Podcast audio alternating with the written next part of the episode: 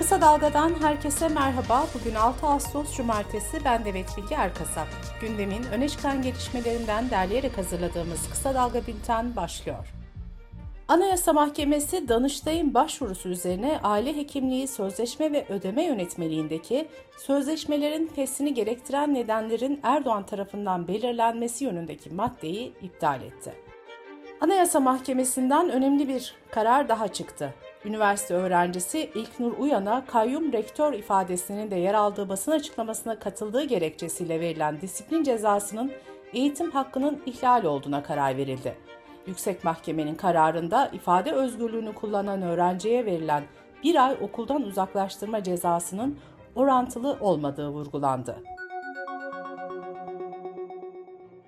Birçok sorunun 7 iklim yayın evinin kitapçığıyla aynı olmasıyla patlak veren skandal sonrası iptal edilen KPSS ile ilgili soruşturmalar devam ediyor.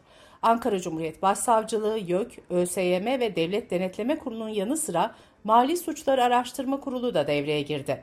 MASAK tarafından yayın evi çalışanları ile ÖSYM çalışanlarının hesaplarındaki para akışının incelendiği belirtildi. Devlet Denetleme Kurulu müfettişlerinde ÖSYM'de inceleme yaptığı ve tüm soruları taradı öğrenildi. AKP'nin dezenformasyon yasası diye anılan ve sansür uygulaması getireceği için yoğun tepki alan yasal düzenlemeyi geri çekmesinin ardından İletişim Başkanlığı bünyesinde yeni bir adım atıldı. İletişim Başkanı Fahrettin Altun, başkanlık bünyesinde dezenformasyonla mücadele adlı bir birim kurduklarını duyurdu. Birimin başına ise İdris Kardeş atandı. Haber, Aktüel ve Sabah'ta yazılar yazan, televizyon programlarına yorumcu olarak katılan İdris Kardeş, bir dönem Bilgi Üniversitesi'nde koordinatörlük, ardından da İstinye Üniversitesi Ekonomi ve Politika Araştırmaları Merkezi'nde koordinatörlük yaptı.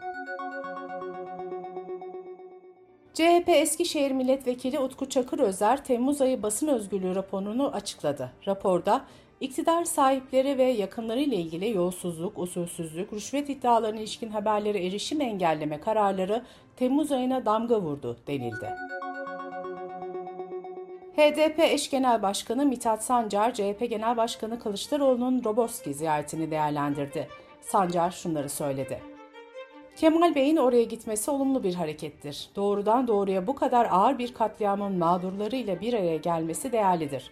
Bunun temelindeki Kürt sorununu görmezsek adalet talebimiz bir süre sonra havada kalır.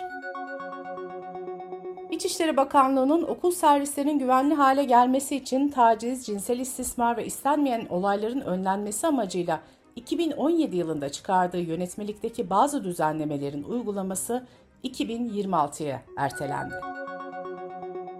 Adana'da bu yıl 29.sü düzenlenecek Uluslararası Adana Altın Koza Film Festivali 12-18 Eylül tarihleri arasında yapılacak. Adana Büyükşehir Belediye Başkanı Zeydan Karalar öncülüğünde düzenlenen festivalin bu yılki onur ödülleri Müjdat Gezen ve Hale Soygazi'ye verilecek. Sırada ekonomi haberleri var. Bankalar arası kart merkezi 2022'nin ilk yarısına ilişkin verileri açıkladı. Yılın ilk yarısında kredi kartları, banka kartları ve ön ödemeli kartlar ile yapılan toplam ödeme tutarı 2021'in aynı dönemine göre %103 arttı ve 1.44 trilyon oldu. Eczacılar ilaç fiyat kararnamesinde yapılan düzenlemeyi yetersiz buldukları için ülke genelinde iş bırakma kararı aldı. İlaç fiyat kararnamesinin yeniden güncellenmesini isteyen İstanbul Eczacılar Odası Başkanı Pınar Özcan, Aksi takdirde eczacılar olarak ayakta kalamayacağız dedi. Eylem programının daha sonra açıklanacağı belirtildi. İstanbul Büyükşehir Belediyesi'nin ek hizmet binalarının bulunduğu Kartal'daki hazine arazisi özelleştirme idaresi tarafından hazırlanan yeni planla ticaret artı konut ve resmi kurum alanına çevrildi. Cumhurbaşkanı Erdoğan'ın imzaladığı imar planlarına göre araziye 17 katlı inşaatlar yapılabilecek. Araziye daha önce Kartal Spor için yeni stat yapılacağı öne sürülmüştü.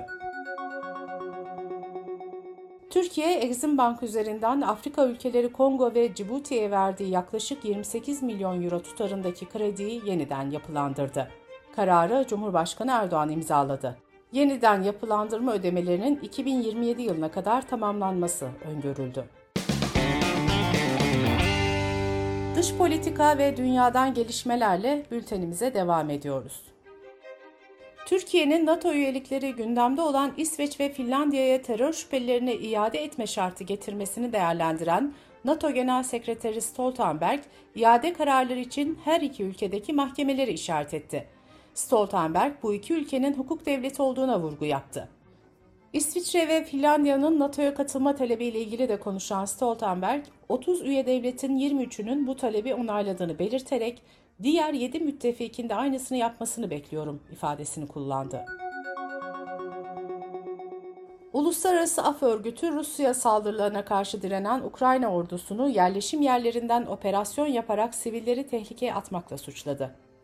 Rusya'nın saldırılarını savaş suçu olarak nitelendiren Af Örgütü temsilcisi ancak Ukrayna'nın Rus saldırılarına karşı kendini savunması onu uluslararası hukuka uygun davranma yükümlülüğünden kurtarmaz dedi. Ukrayna hükümeti ise iddiaları haksız bulduğunu belirterek reddetti. Çin, Tayvan'ı ziyaret eden ABD Temsilciler Meclisi Başkanı Nancy Pelosi'ye yaptırım uygulanacağını bildirdi.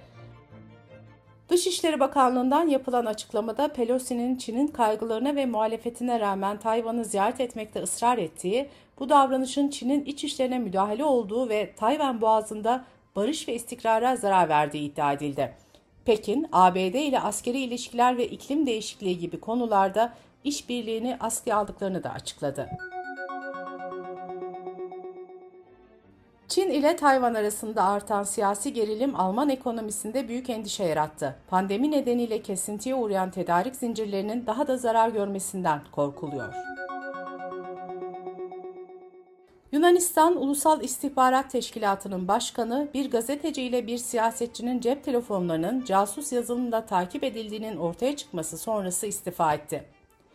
Predator isimli casus yazılım yerleştirildiği telefonlardan şifreleri, dosyaları, fotoğrafları, rehberi kopyalayabiliyor. Aynı zamanda bir telefonun kamerasını ve mikrofonunu aktive ederek yakındaki konuşmaları dinleyebiliyor. Amerika'da Joe Biden yönetimi vakalardaki ani artış nedeniyle maymun çiçeği virüsü salgınını halk sağlığı acil durumu ilan etti. Bu kararla virüsün yayılmasını engellemek için federal kaynakların kullanımı hızlandırılacak. Bültenimizi kısa dalgadan bir öneriyle bitiriyoruz. Roboski'de 35 kişinin hava bombardımanıyla öldürülmesiyle ilgili hiç kimse yargı önüne çıkarılmadı. Ne ulusal ne uluslararası mahkemeler bir adım attı. Kemal Göktaş, kaçınılmaz bir hata denilerek kapatılan Roboski dosyasındaki belgelerin ışığında bir katliamın hikayesini anlattı. Göktaş'ın podcast'ini kısa dalga.net adresimizden ve podcast platformlarından dinleyebilirsiniz. Gözünüz kulağınız bizde olsun. Kısa Dalga Medya.